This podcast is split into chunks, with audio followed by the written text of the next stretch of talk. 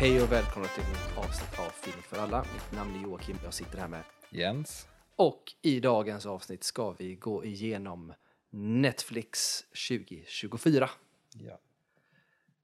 Det har ju släppts en eh, lång trailers på trailers kan man säga. Ja. En, en metatrailer från Netflix som vi la upp på vår Insta-händelse. Eh, den kan man hitta om man går in och tittar på våra höjdpunkter på eh, den, de höjdpunkter som heter trailers så kan man hitta den där, tror jag.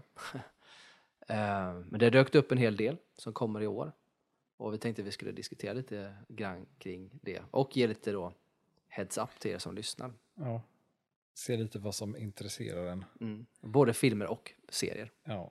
såklart. Som då är liksom Netflix egna producerade eller produ saker som produceras för Netflix. Mm. Det handlar om. Precis, och det, jag ska säga så här, det är otroligt mycket intressanta saker. Nu har jag ju försökt kolla det här och det vet jag när vi pratade om i, i nyårsavsnittet när vi blickade framåt så pratade vi inte så mycket tv-serier för att det är så Nej. svårt att veta. De släpper ju eh, typ runt den här tiden vad som kommer. Mm. Så att då visste man inte så mycket men nu helt plötsligt så har det dykt upp väldigt mycket intressant och när man tittar på det här, både filmer och serier så kommer det ju otroligt mycket på Netflix som är, som är kul. Ja. Men när vi börjar med filmer, Ja. Vad har vi först som vi såg i den här trailern? Eh, alltså det första som eh, dyker upp var ju någon eh, film med Jennifer Lopez som heter Atlas. Just det. Eh, Just det, någon science fiction Någon variant. science fiction-film som jag inte... Alltså jag hade ju inte hört talas om den innan. Ehm, men det är ju bra cast. Alltså, Simul Simulio och eh, Sterling K. Brown, Mark Strong, bland andra. Det står eh, eh, det, Atlas Shepard spelad av Jennifer Lopez, a brilliant but misanthropic data analyst with a deep distrust of in artificial intelligence joins a mission to capture a renegade robot with, with whom she shares a mysterious past. But when plans go awry, her only hope of saving the future of humanity from AI is to trust it. Det låter ju väldigt aktuellt. Det låter lite grann som att vi kommer in i den era nu som eh, kanske The Creator började nu då. Precis. Lite grann som har AI-tema. Sen har det ju AI gjorts innan såklart med Terminator och allt Ja. möjligt. Men, men det, vi, kom, vi är ju verkligen inne i det eh, med tanke på att The Creator, vi har Mission Impossible 7 eh, och nu Atlas. Det är mycket AI nu eh, kan man säga. Det är, det är en, en så här ny era av AI. AI förr så här, när man hade för, när Terminator var stort och, så var det liksom all AI-berättelse var ju så här så mycket tänk i framtiden typ så här hur det blir liksom kaos i framtiden. Men nu är det så mycket mer så här AI är nu. Ja, absolut. Så att det liksom är så här Och filmer också- och AI nu är det liksom det behöver inte vara en, en sci-fi i framtiden film utan det kan vara film i, idag. Nej, och man ska också tänka på, om man går, tillbaka och tittar på sådana här filmer som, eh, som eh, eh, 2001 A Space Odyssey till exempel. Eller om vi tittar på, vi kan titta på George Lucas eh, THX, alltså Ja. filmen han gjorde. Eh, och även Space Odyssey, där man ändå har en liksom, typ onda AIs. Mm. Och det har liksom varit det för att skapa ett, ett skräcktema. Och Ja. Terminator började ju också så. Nu har vi ju hamnat i en situation där, där, där filosofin i filmerna handlar om mycket mer om vad AI på, något, på en moralisk skala ligger. Ja. Inte bara ond eller god, Exakt. utan vad liksom är, är mänskligheten i dem? Eller vad, hur förhåller människan sig till dem? Ja. Inte bara enkelt som i första Terminator, en ond och sen kommer det en god som är programmerad till att vara god. Ja. Utan nu har vi AIs som är AIs på riktigt, det vill Mm. säga att de kan tänka själva, de kan göra saker själva. Och då blir det ju mycket mer element i... Man får nästan svara, blir, man ställer sig frågan, formulera det rätt, man ställer sig frågan vad som egentligen är mänskligt. Ja. Och i det så, det blir väldigt intressant för att AI är skapad av människan för att, för att vara människolik. Vilket innebär att en AI är ju en reflektion av oss. Ja. Och det är ju det som blir det, det både skräckfyllda och kanske också kan bli det fina i det. Mm. För att jag tror att AI kanske kan ge oss svar, i alla fall filmerna, på om vi förtjänar det vi har Ja, på något sätt. Ja. Mm. Fattar. Eh, så jag tycker att det är oerhört, det är kul att det kommer sådana filmer. Det är alltid filosofiskt intressant att, att se på sådana. Och sen hoppas man att det är bra action också. Eh, sen är det ju mycket bra som du sa, skådisar i den. Jennifer Lopez eh, har vi inget, liksom, Jag tycker, tycker väl inte jätteilla om henne, jag tycker inte jättemycket om henne som skådis, utan hon är väl okej liksom. Ja, jag har ju inte, jag har ju sett henne väldigt, väldigt lite. Jag har sett Jag henne tror i- inte ens jag har sett henne alltså, i en film liksom rakt igenom en film henne i, tror jag. Nej, det, det har jag gjort. Jag kan rekommendera Geely. Eh, Nej, jag skojar bara. Det var den som hon och Ben Affleck fick så jävla mycket skit Ja. för när de träffades första gången. Eh, men hon har gjort en del. Sen så gjorde hon den här med när de ska gifta sig, eh, som kom på Amazon Prime nu. Eh, när hon ska Ja, gifta just sig det. med han, som jag inte kommer ihåg vad han heter nu. Ja, shot, den heter typ, inte Shotgun Wedding, men den heter någon... Ja, men jag vet. Sånt. Ja, Eh, och det är ju en sån här rolig actionkomediaktig grej. Liksom. Och den tyckte, jag tyckte hon var bra. Sen måste jag ju säga att hon är så jävla snygg. Hon är typ 50 plus och fortfarande så jävla snygg. Eh, så det ska hon ha, tycker jag. Men hon är ju ändå, ändå okej. Eh, så. Sen är det ju mycket bra skådespelare överlag. Simu Liu, eh, mest känd från, från. Marvel-universumet. Ja, Shang-Chi.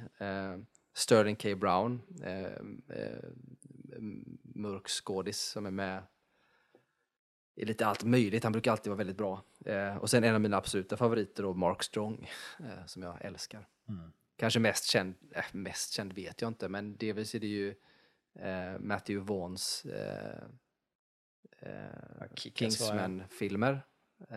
Ja. och även Kick-Ass. Sherlock Holmes Ja. när han spelar ond i första, den mot, mot Robert Downey. Eh, då. Och sen har han gjort många filmer med Guy Ritchie. Ja, han är ju med i dem eh, och spelar. Så här. Men han är grym, tycker jag. Ja, Så nästa att film nästa de hade film är ju, som vi har på den här listan, är ju Back in Action då. Och Back in Action såg jag ju bara en kort, eh, det, innan de släppte den på trailern så såg jag faktiskt en eh, paparazzi-bild från fot, alltså när de spelade in. Mm. Man såg och så tänkte jag så här, okej, eh, det är kul att Jamie Foxx är tillbaka efter sin, som ingen riktigt vet vad det är, men han, han låg inne på sjukhus ett tag. Ja, men det är det jag vet om den här filmen. Att under inspelningen av den här filmen så låg han på sjukhus. Ja, Det det det, var ju livshotande Ja, och han vet. var ju borta ett tag och han har inte sagt vad det är. Han Nej. har bara gått ut och eh, så att säga sagt att han är tillbaka nu och det varit värsta skrämselgrejen och det var, det, det var tydligen riktigt allvarligt. Eh, men ingen vet vad det är. Så att, och det är ju så här. Jag, jag tycker ju att man ska respektera det eh, Jo, samtidigt som att man blir nyfiken. Ja, det är klart. Eh, men det är ju Jamie Foxx och så är det Cameron Diaz. Eh, Och det, handlingen är då helt enkelt att det har gått ett antal år efter att de här har gett upp eh, sina liv som CIA-agenter eller spioner. Mm. Så har de här startat en familj då, Emily och Matt som karaktärerna heter. Eh, ja, blir indragna tillbaka i spionvärlden igen eh, efter deras cover helt enkelt blir eh, förstörd kan man säga. Ja. Så titeln är passande. Back ja, in action. Back in action. Och här är det också mycket bra skådisar. Jamie Foxx och Cameron Diaz är ju de två sämsta egentligen. Om ska vara så. Jamie Foxx är ju bra. Jamie Foxx och Cameron Diaz är också svinbra. bra. Men du har liksom Kyle Chandler, du har Glenn Close, du har Andrew Scott. Det är bra skådisar. Det känns som det finns potential att det kan bli en rätt rolig actionfilm. Ja, jag tror det. Jag tyckte ändå när man ser den trailern på hur det ser ut så känns den så här, man kan ju först tycka att det känns lite så här, nästan lite cheesy. Lite som när eh, Tom Cruise gjorde ju en med Cameron Diaz va? Ja, Night and Day. Ja, att den är lite som den. Alltså, Den var ändå, ton- Night and Day var ändå liksom bättre än vad jag trodde. Ja, jag håller med. Jag tycker att det är, det är en bra actionkomedi. Och den känns lite i tonen som Ja. den är ungefär. Sen tror jag att den här kanske kommer vara lite mer humoristisk, eventuellt så. Ehm, men den, ja, tycker jag kan bli intressant i alla fall. Den, så den ser man absolut fram emot. Sen är det ju eh, Beverly Hill, Hills Cops Axel F. Som blir, vad blir det? Är det fjär, fjärde filmen i ordning? Så han är tillbaka, Axel Foley.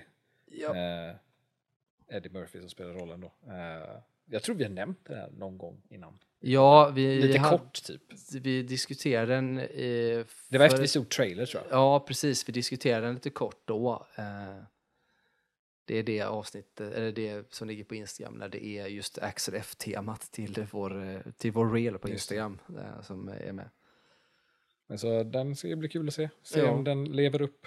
Ja, och här behöver man inte säga så mycket om handlingen egentligen, för att handlingen är ju Beverly Hills Cop. Han, Ja, han dras ja. dit på den jäkla vänster igen då. Eh, behöver inte gå in på exakt varför, men ja, det är ju vad det är på något sätt. Bra skådisar med här också. Framförallt blir det jävligt kul att se Joseph Gordon-Levitt i någonting igen. Det var ju liksom, han gör ju inte jättemycket saker. Ja, det känns som det var länge sedan man såg honom. Ja, han gör säkert saker, men de är så här indie-grejer och säkert som inte kommer ut ordentligt. Så det ska bli väldigt intressant att se honom igen. Och det är ju såklart eh, både John Ashton och Judge Reinhold är tillbaka. Alltså de här som var hans liksom, kompanjoner i, i, i Beverly Hills. Eh, och även den eh, kända eh, från Mad About You-serien och Alien, Aliens, alltså Alien 2-filmen, Paul Reiser, även från Stranger Things, är också med i denna. Och jag gillar ju Paul Reiser och tycker att han, han får alltid med ett element av, jag vet inte, det är ju för att han är förknippad med så mycket av de här äldre filmerna och klassikerna, att han bringar för mig alltid ett element av, av nostalgi Mm. och,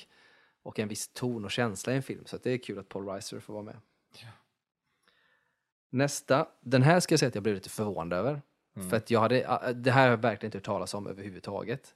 Eh, och det är ju för att jag gillar ju skådespelaren här och det är Taron Ed- Edgerton. Vi pratade ju precis om, ja, lite kort om, eh, om just Kingsman-filmerna. Och det är ju han som spelar i första och andra, alltså de som har kommit. Eh, och här är det då en film som heter Carry On. Och eh, då är det en, en eh, ung TSA-agent och TSA är ju alltså så här tullfolk typ, eller så Eh, jag kommer inte ihåg vad det står för, men det är tullen helt enkelt, alltså på Ja. typ flygplatsaktigt sådär. i USA. Eh, ja, eh, och han då sätts i någon situation där han behöver ja, vara lite kvickare och möter då en mysterisk, eh, mystisk eh, resande som utpressar honom eh, åt att låta då ett farligt paket eh, gå på ett, eh, ett flyg helt enkelt på julafton. Mm. Eh, och det här tänker man ju så här, nu står det ju inte när den ska släppas. Nej, det står bara 2024 på den. Ja, och det är som det. Och det, tänk, det låter ju som en julfilm då. Alltså det låter ju som en Die Hard 2-variant typ. Ja. Ja, men exakt eftersom de specifikt nämner Christmas Eve liksom. och då tänker man att det nästan kommer vara så att den släpps runt jul. Tack vare det. Ja. Men den såg ju spännande ut. Han är bra och jag tycker Ja. att den såg eh, lite häftig ut liksom. ja, jag tyckte också det. Också bra skådisar. Det här är, tycker jag är så häftigt att de ändå lyckas lösa alla de här. Netflix har verkligen Ja. alltså alla gör ju det, men Netflix har ju så mycket bra. Det är Taron här då, och även då Jason Bateman och eh, Logan Marshall Green, som också är sån, som har varit med i eh, The OC, men han har också varit med i eh, Alien, alltså Prometheus Mm. till exempel. Så att, eh, det är mycket bra skådisar de Ja. med sig. Alltså. Ja, Det ska bli, kan nog bli intressant att se. Lite Mm. så här, alltid kul med film man inte riktigt, man har inte hört någonting alls om. Och speciellt Nej, när det är en, en skådis man verkligen tycker om också så i huvudrollen. Ja, men precis. Och sen så är det alltid kul med filmer. Alltså alla filmer har ju ett, ett tempo och ett mål. Alltså så är det ju alltid. Men det är lite grann som när man tittar på klassiska filmer som typ Die Hard eller vad som helst. Att den här filmen har, eh, alltså det blir ju en jakt på något sätt Ja, i det. exakt. Och det tycker jag alltid blir, blir intressant i en film. Det går Ja. liksom fort, det är tempo och eh, ja, man kommer nog bli underhållen. Så att den eh, absolut ser jag fram emot. Sen var det en annan film då, den här Damsel med Millie Bobby Brown som eh, Netflix verkar älska och vill eh, att hon ska göra mycket. Men det är den här, alltså det här, det här presenterade de ju för länge sedan vet jag också, de släppte trailer redan förra året. Eh, men det är den här, hon spelar någon prinsessa fattar jag det som, som behöver rädda, rädda sig själv. Från Hon är en drake. damsel helt enkelt. Ja. Jag kommer inte riktigt ihåg, det är ju trailern, hon sätts ju typ, jag vet inte varför, men trailern, hon sätts ju typ i en jävla här grotta, typ. Mm. Och så behöver hon, jag vet inte, jag fattar nästan som att hon på något sätt är någon form av uppoffring nästan. Ja, ja det, är- i, i, i plotlinen så står det ju där att hon eh, hon blir lurad dit på den äkta vänster för att hon ska bli då offrad. Så, som- Ja, för att återbetala en antik ja, skuld. exakt. Ja, ja, Och då är det då en, en drake som finns där. Alltså det här är ju fantasy. ja. Fantasy. När jag först såg, när de först presenterade Damsel för ganska länge sedan, eh, när man inte hade sett så mycket, så fattade jag det som att det skulle vara någon historisk eh, grej, alltså kopplat till vår Mm. eh, värld på något sätt. Men det visar sig att det inte är så, utan det här är, det här är fantasy Mm. rent eh, av. Också mycket bra. Och den, den eh, bortgångne Ray Wins, nej han lever fortfarande. Det gör han nog kanske. Jag för mig att Ray Winston hade dött, men han lever nog kanske. Men Ray Winston är bra i alla fall och han är med också. Ja. Ray Winston måste jag nästan kolla.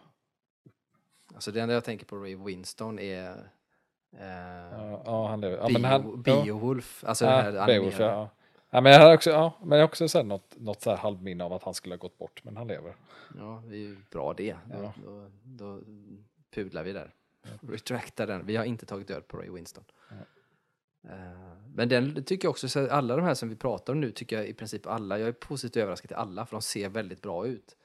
Eh, och, och samtidigt så vet jag också att i och med, och det ska vi inte koppla för mycket till det, men i och med det här att de gjorde One Piece så bra på Netflix så, så, och, så känns det lite grann som att de kanske lär sig lite grann av att göra både film och serier mer liksom, alltså bättre.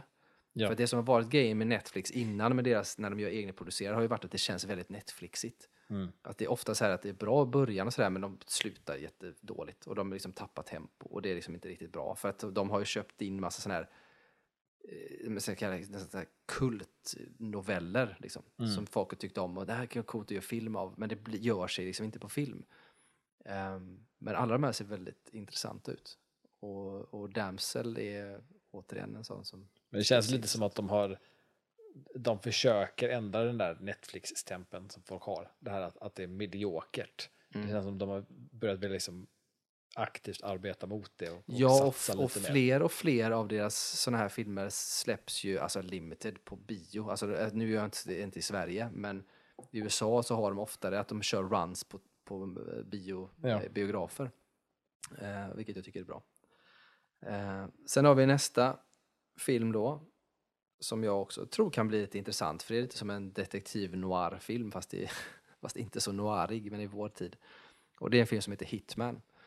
Eh, när jag först såg Hitman så tänkte jag, skulle de göra en Hitman till? För de har ju gjort en Hitman eh, för länge sedan, alltså av, av spelet Hitman.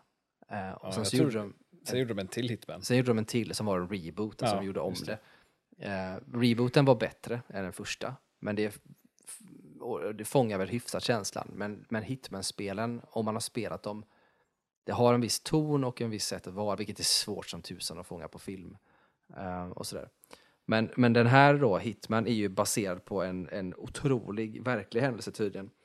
Där en, eh, en professor upptäcker att han har en, en, en talang för att, eh, ja, han är helt enkelt en, en hitman, fast fake hitman då. Så att, eh, Eh, och han träffar då på en klient som stjäl hans hjärta. Och eh, i detta så är det också eh, såklart eh, manipulationer eh, och eh, bedrägerier och eh, blandade liksom, identiteter och allt möjligt. Så det är liksom en liten sån gåta. För det är verkligen så här, i, i trailern presenteras det verkligen som en Okej att han är hitman, men det känns som så här, han är nästan som en detektiv och någon ska ha honom. Det är så här damsel som kommer in klassiskt på en detektivbyrå och ska ha hjälp, men det är egentligen hon som är en massa problem. Och det är samma sak här, hon, han dras in i det tack vare henne och det drivs på då. Mm. Eh, och här är det då Glenn Powell som spelar huvudrollen. Eh, känd från lite allt möjligt. Det senaste Top Gun bland annat. Eh, och är ju också en skådis jag tycker väldigt mycket om. Han gjorde ju sin en, eller jag vet inte om det är exakt hans debut, men en av hans tidigaste saker han gjorde, och debut är ju i eh, Batman Dark Knight Rises, alltså tredje filmen. Där han spelar eh, den snubben som sitter på banken som Bane trycker ner i eh, desket. Alltså när han är där inne så säger han så här vad gör du här? Vi har inga, vi har inga pengar här. Och så går han fram till honom och så slår han hans huvud i bordet. Ja, just det. Det är Glenn. Powell, Ja. eh, om man nu vill se en ung Glenn Powell när han eh, får sin karriär startad. Vilket är lite intressant. För han har själv sagt det att om hans karriär någonsin går åt helvete så har han i alla fall fått, fått stryk av, eh, av Bane. Liksom.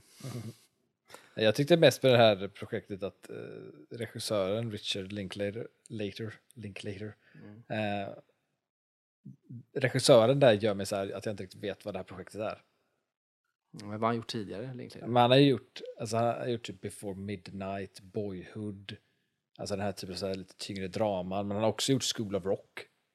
Liksom. som är en rolig film liksom. Så att ja, jag vet inte riktigt vart, vart det hamnar någonstans i, Nej, det kan ju bli så intressant. det kan bli intressant att se. Ja.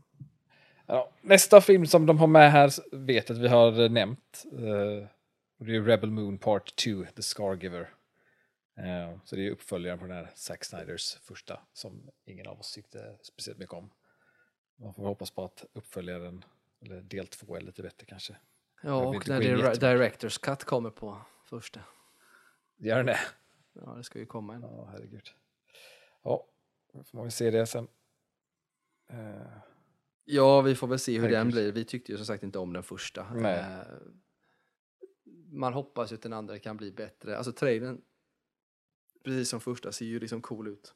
Eh, Och förhoppningsvis har det väl ändå blivit så att man gjorde första så pass, jag ska säga dålig, men man har liksom lagt grunden för att man nu kanske kan ja, utveckla karaktärerna mer och man kanske kan ha lite mer intressanta ja, perspektiv och, och sånt där i, i nästa nu då. För att det är liksom uppbyggt redan, man har satt allt på plats så att nu är det bara att köra. Med det sagt så vågar man ju inte säga att det, att det kommer bli bättre. nej. Så är det. Vi kan ju...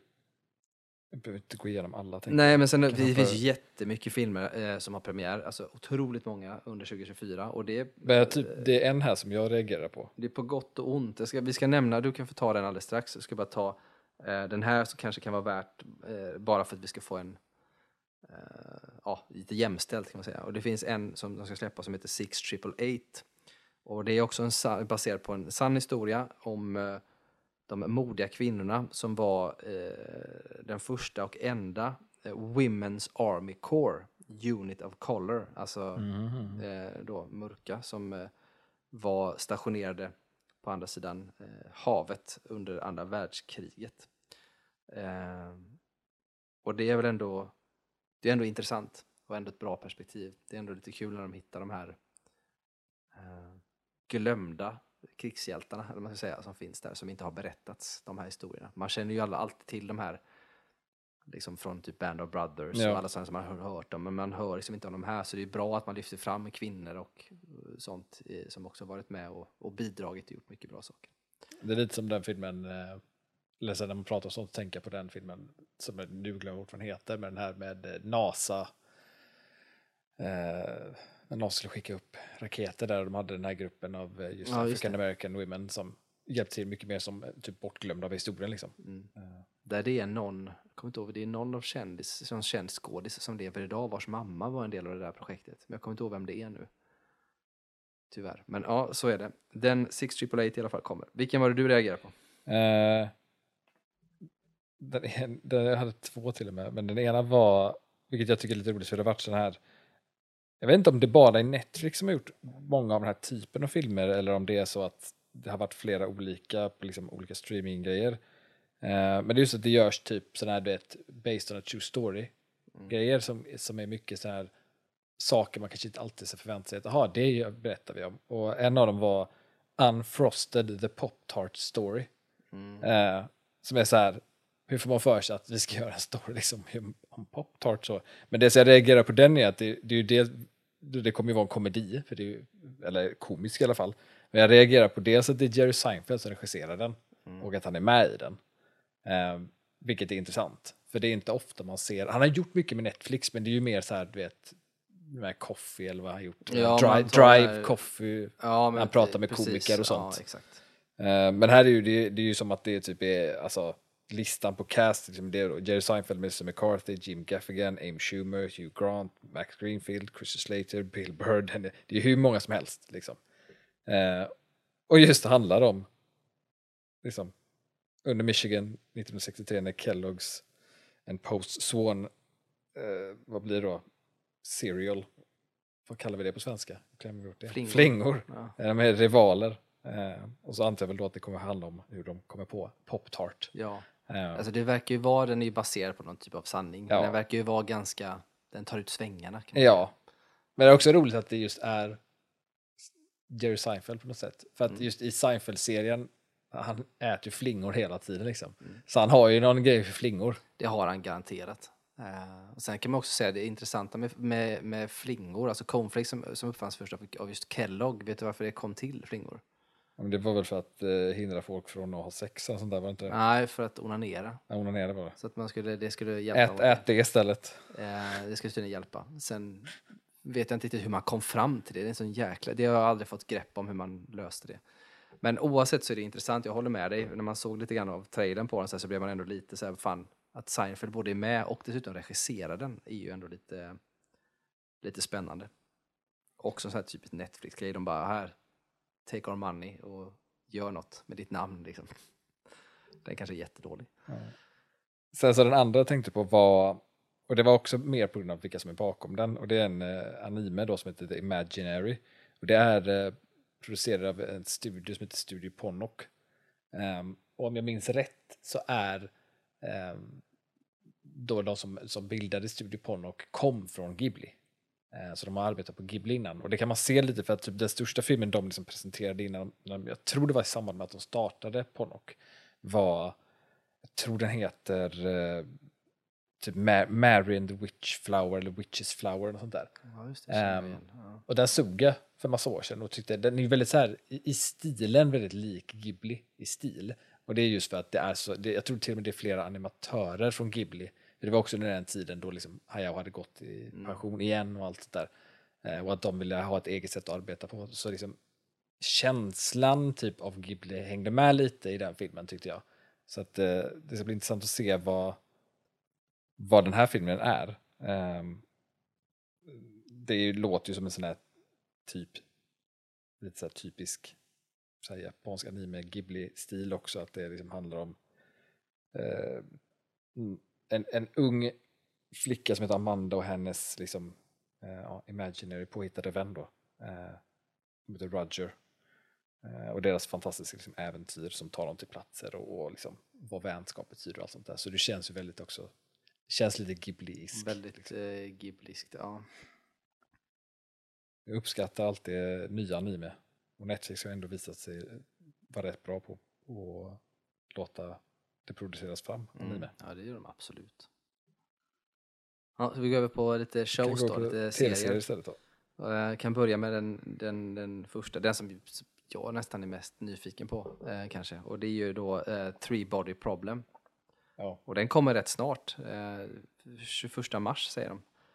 Eh, och det här är ju, alltså det är, det är flummigt att beskriva den, men det är liksom, det utgår från en ung kvinna eh, i 1960-talets Kina som gör något typ av val som då skapar ringar på vattnet i rymd och tid eh, till dagens värld. Eh, och sen händer det saker, så naturlagarna börjar liksom luckras upp framför ögonen på forskare och sådana här saker. Då, och de försöker liksom hitta lösningen på det här största hotet i mänsklighetens historia eh, i detta. Och det är ju det är baserat på en bok såklart. Eh, och det är ju mycket bra skådisar här också eh, såklart. Eh, men typ Benedict Wong, liksom, Mm. känd från Doctor Strange. Eh, och den här är ju, alltså det, är en, det här är väl kanske den som de lagt ner mest pengar på budgetmässigt. Mm. Det är som är effekter och alla sådana saker. Och det är ju en,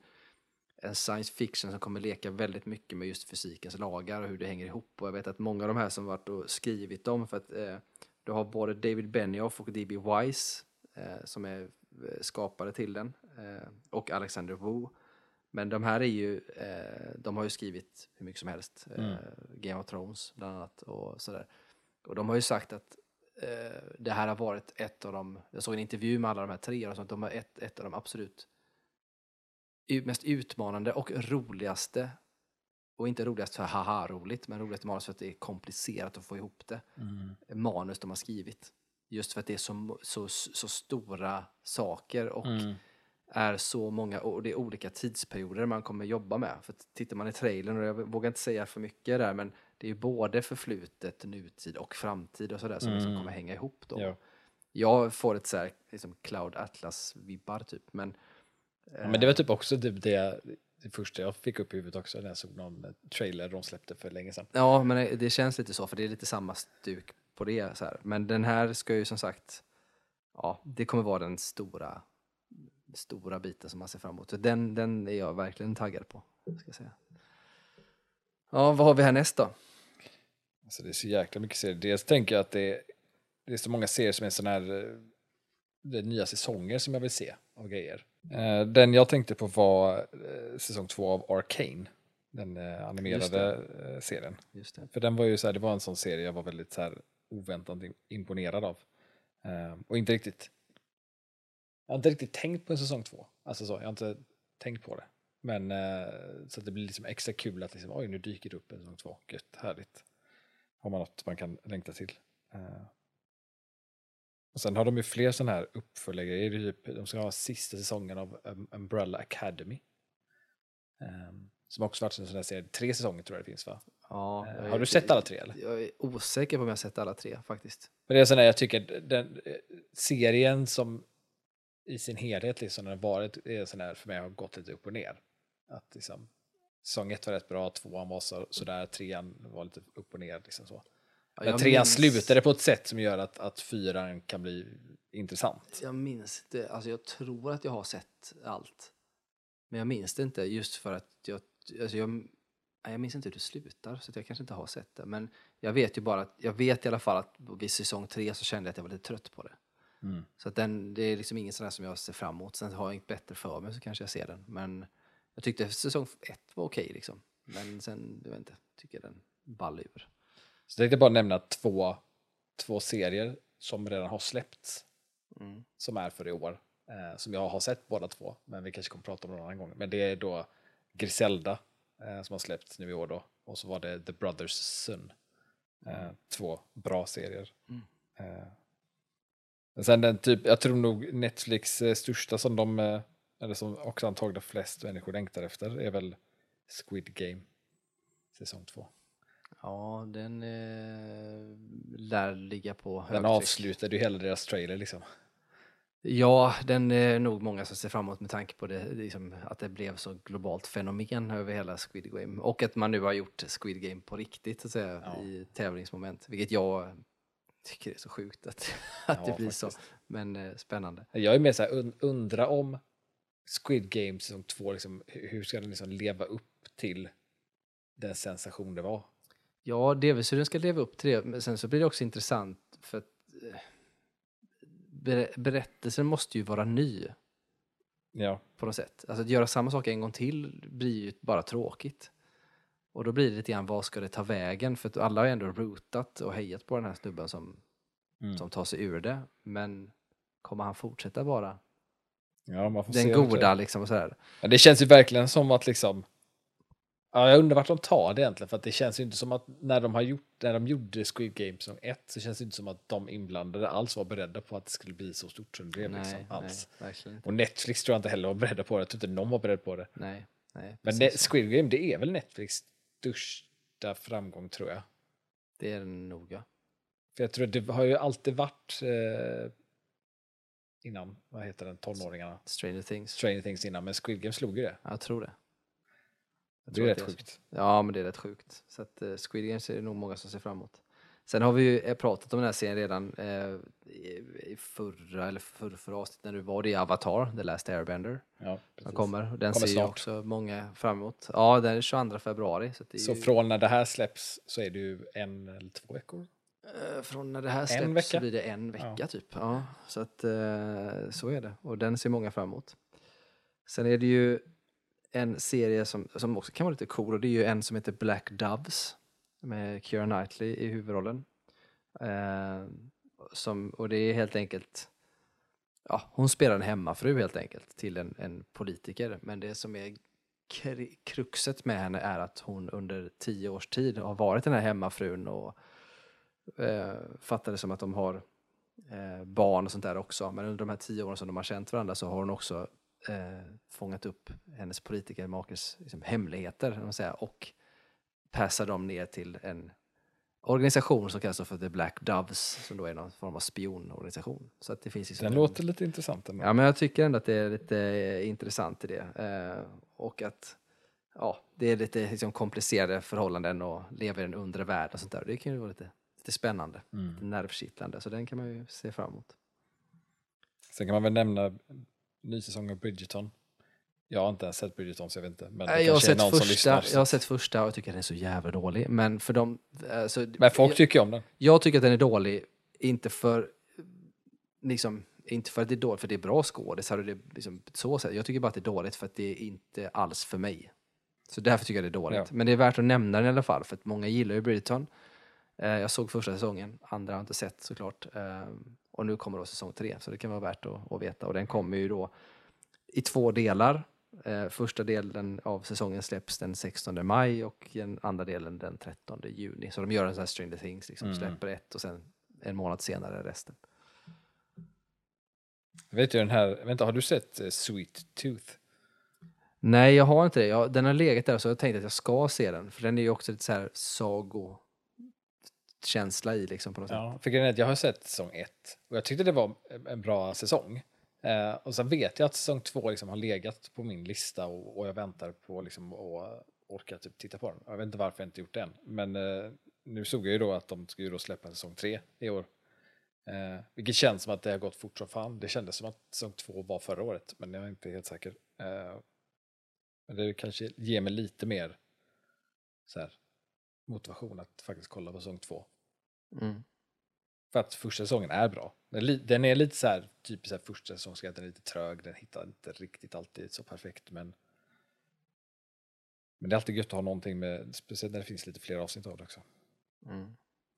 Sen kommer ju säsong två av The Diplomat för er som sett den. Som handlar om en diplomat helt enkelt med Kerry Russell i huvudrollen. Emily in Paris säsong 4, för vet att det är många som gillar Emily in Paris. Så den kommer en säsong 4 då. Eh, så den kan man se fram emot. Sen kommer ju då en, en originalserie till då som heter Eric.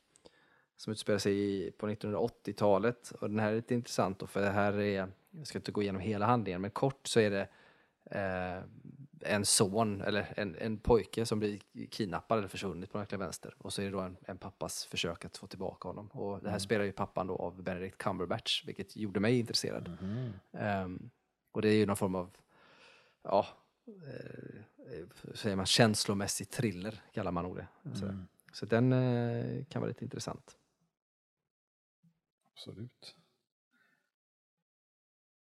Och sen eh, har vi ytterligare en säsong två på The Night Agent. Och den kommer jag ihåg att jag tyckte var eh, rätt intressant. Det var ju den här stackars eh, som egentligen skulle, han jobbar ju för, för FBI som någon, han får ju någon, jag tror vi pratade om den, det är länge sedan nu, typ ett år sedan nästan vi pratade om den tror jag, men eh, han är ju någon form av ja, han är väl egentligen typ advokat eller något där, eller jurist på, på FBI och ska hjälpa till med de bitarna. Så han är liksom inte out in the field egentligen, men han blir ju indragen in the field när helt plötsligt den här telefonen som man ska passa eh, någon gång ringer typ och sen är det något brev som kommer och så blir han inblandad och så helt plötsligt är han ute in the field. Liksom. Och det är en sån här, den var rätt, den var, jag tyckte den var underhållande men den hade också lite svårt att finna sig om den skulle vara thriller, om den skulle vara lite mer rolig och att det skulle vara så att den var lite så, men jag tycker att den, den slutar också som att man fan behöver en säsong två typ. Ehm, så den kan man se fram emot lite grann. Så finns det en serie som jag ser fram emot. Eh, som jag tror att du också kan ha lagt ut på vår Instagram. Jag är inte säker. Mm. Jag för mig att jag har sett en, en, en enskild trailer på den. Och det är den här The Gentleman. Ja, just det. Eh, Den som är producerad av typ eh, Guy Ritchie producerar ju sånt där. Så att, och det känns ju väldigt så här, Guy Ritchie-esk i sin stil liksom. Eh, men det känns ju intressant. Eh, jag vet inte vad man ska förklara att det är för typ. Det är ju en grupp gentlemän, kan man säga. Eh, Ja, alltså har man sett The Gentleman av Guy Ritchie? Ja, exakt, ja, exakt. Har man, sett, har man sett den filmen så känns den rätt lik. Ja, det är ju typ, eh, vad jag förstår så är det eventuellt samma, vissa samma karaktärer som är med i den till och med. Det är ju lite så här. ge- gen- Gentleman versus gangsters typ i den här serien. Ja, det kan Lite man säga. Alltså det, är ju, ja, det, är ju, det känns ju precis som en sån här klassisk Guy Ritchie, typ Lockstock eh, eller Snatch. Eller Ja, när det där. är sån liksom ensemble. Precis, liksom. precis. Fast, det, fast Snatch och Lockstock utspelar sig på en, typ en låg nivå bland gangsters. Mm. Gentlemen är ju lite mer högt uppsatta och lite mer finare Mm. liksom. Eh, den kan nog bli lite halvcool att se faktiskt. Tänker jag. Sen som sagt är det jättemycket, du får gärna ta upp om det är någon mer du tänker på, men jag, eh, jag är nog rätt Ja, nöjd, för det finns också. jättemycket mer som kommer, men jag vill lyfta upp dem som vi. Eller här var en, Tänker. en till jag såg nu. Eh, som jag blev, bara såg bara namnet nu. Eh, Nightmares and Daydreams. Eh, en sci-fi eh, övernaturlig serie. Om eh, vanliga människor som eh, ja, råkar på underliga fenomen. Där det är liksom karaktärer och plotten i det liksom går ihop som ett pussel enligt beskrivningen. Så bara, bara beskrivningen och titeln fick mig så sci-fi supernatural lät lite intressant. Det står inte när den kommer ut heller, bara 2024. Ja, det är lite spännande. Jag ser inte riktigt vad den... Eh... Det ser ju ut som att den eventuellt är indisk. Mm. Jag tror, eh, eh, lite så här får en känsla att jag tror att den här var med kort i trail, stortrailern vi hade. Mm. För det var någonting indiskt där som kändes lite sådär, så det kan ha varit det. Ehm, sen får vi se, ska de ha med en jävla massa sång och sån här skit som de brukar ha så kommer jag tappa det. det är inte min kopp te med Bollywood-filmer kan jag säga. Jag kan förstå de som tycker om det, men jag eh, tycker inte om det. Oh, det här hittade jag en till fan, herregud. Eh, och det här, kan ju, det här känns som att det kan vara, bli en bra serie, för det här är ju baserad, det här har gjorts film för, tror att det är, ja det är baserat på Tom Ripley-novellen.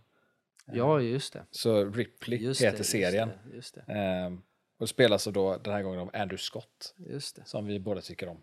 Moriarty i eh, Ja, Holmes, precis. I eh, Holmes, Sherlock ja. där. Ja. Eh, han känns passande i den rollen. Ja. Eh, det, alltså, saken med den här, det här, nu kommer jag låta eh, konstig kanske, men The Talented Mr Ripley, som, som både boken och filmen heter, tror jag. Mm. Eh, tror att boken heter det i alla fall, men filmen heter det. Det Vilken av gjordes- filmerna? För det har gjorts två tror jag.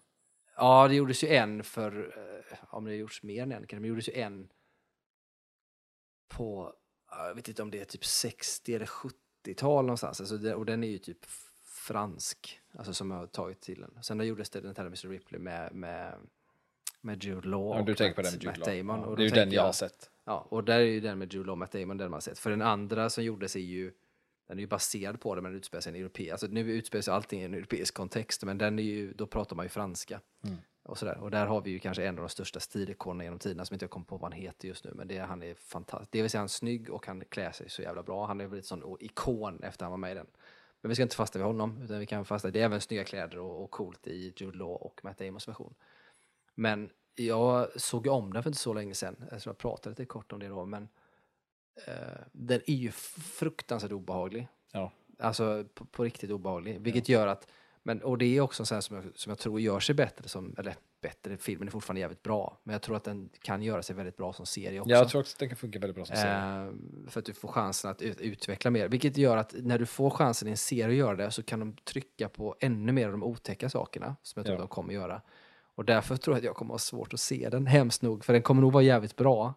Men jag tycker att den är så jävla otäck. För det är på något sätt eh, samma känsla som när jag läste eh, eh, Albert, Albert Camus Främlingen.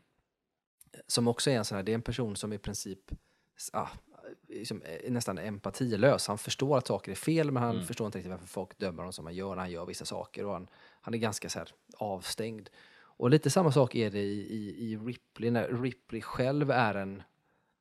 Alltså han vill ju väl och verkar god och så vidare då, va? men sen så måste han ta till vissa metoder och göra på vissa sätt Mm. som, som hela tiden ökar liksom problemen för honom och som känns ibland onödiga men det är liksom den lätta lösningen. Han är typ en klassisk psykopat fast som kan sköta sig typ. Han har liksom inga sån här liksom, modlust själv utan det blir mer som att det, jag måste för annars Mm. funkar det inte. Så det blir som ett verktyg. Och det är så otäckt och det är så välspelat i filmen och, och, och säkert välskriven i boken också vilket gör att och så vet jag också att de ska grotta ner sig i en serie och du har dessutom Andrew Scott som är typ bäst i världen på att spela sådana karaktärer. Vilket kommer göra den så jävla bra men den kommer vara så fruktansvärt jobbig tror jag. Ehm, så att jag, Jag vill, jag vill se den, men jag vet inte om jag kommer kunna se den. Eh, det kommer jag ju säkert göra, men det, det är med, med viss bävan jag ser fram emot den, kan man säga. Just för att jag vet hur man kommer må efteråt. För den, den, det, det är ju inget, det är inget lyckligt i den, Nej. whatsoever i princip. Jag säger inte att den är helt olycklig heller, utan den är just... Alltså, om de ska göra samma sak i serien som de har gjort i, i filmen och sådär, så slutar den så så känslolöst att det blir otäckt. Och det är det som är grejen, att man blir vare sig liksom arg, man kan vara frustrerad, men man blir vare sig ledsen för att det slutar olyckligt eller, eller glad för att det gick bra, utan det är verkligen så som karaktären är, helt känslolös, så slutar allt. Mm. Och det är det som är det värsta med det tror jag, att man inte får ett utlopp för någonting, utan det är bara instängt och aldrig får gråta eller skratta eller befrielse på något sätt. Ja, det, ja. Kanske hyper upp den för någon. Eh, så att ja, den eh, absolut, den kommer vara absolut välgjord och välspelad utan tvekan. Eh, det var allt vi hade, eller? Ja, vi kan runda av där. Tänker jag. Eh, så att då har ni lite saker som vi gått igenom i alla fall. Och, och som sagt, vill man hitta en, en full lista på vad som släpps för varje månad så finns det enkelt att googla Ja. fram på Netflix. Och det är otroligt mycket saker som släpps. Eh, och det är ju både, alltså, e, alltså, inte bara eget utan filmer och såklart de köper in och serier och sådär. Ja. Ehm, och det är ju sånt här som vi pratade om innan på gott och ont lite grann. För det finns för stort utbud kan man ju tycka. Mm. Ehm, samtidigt så måste de väl göra någonting, tänker jag.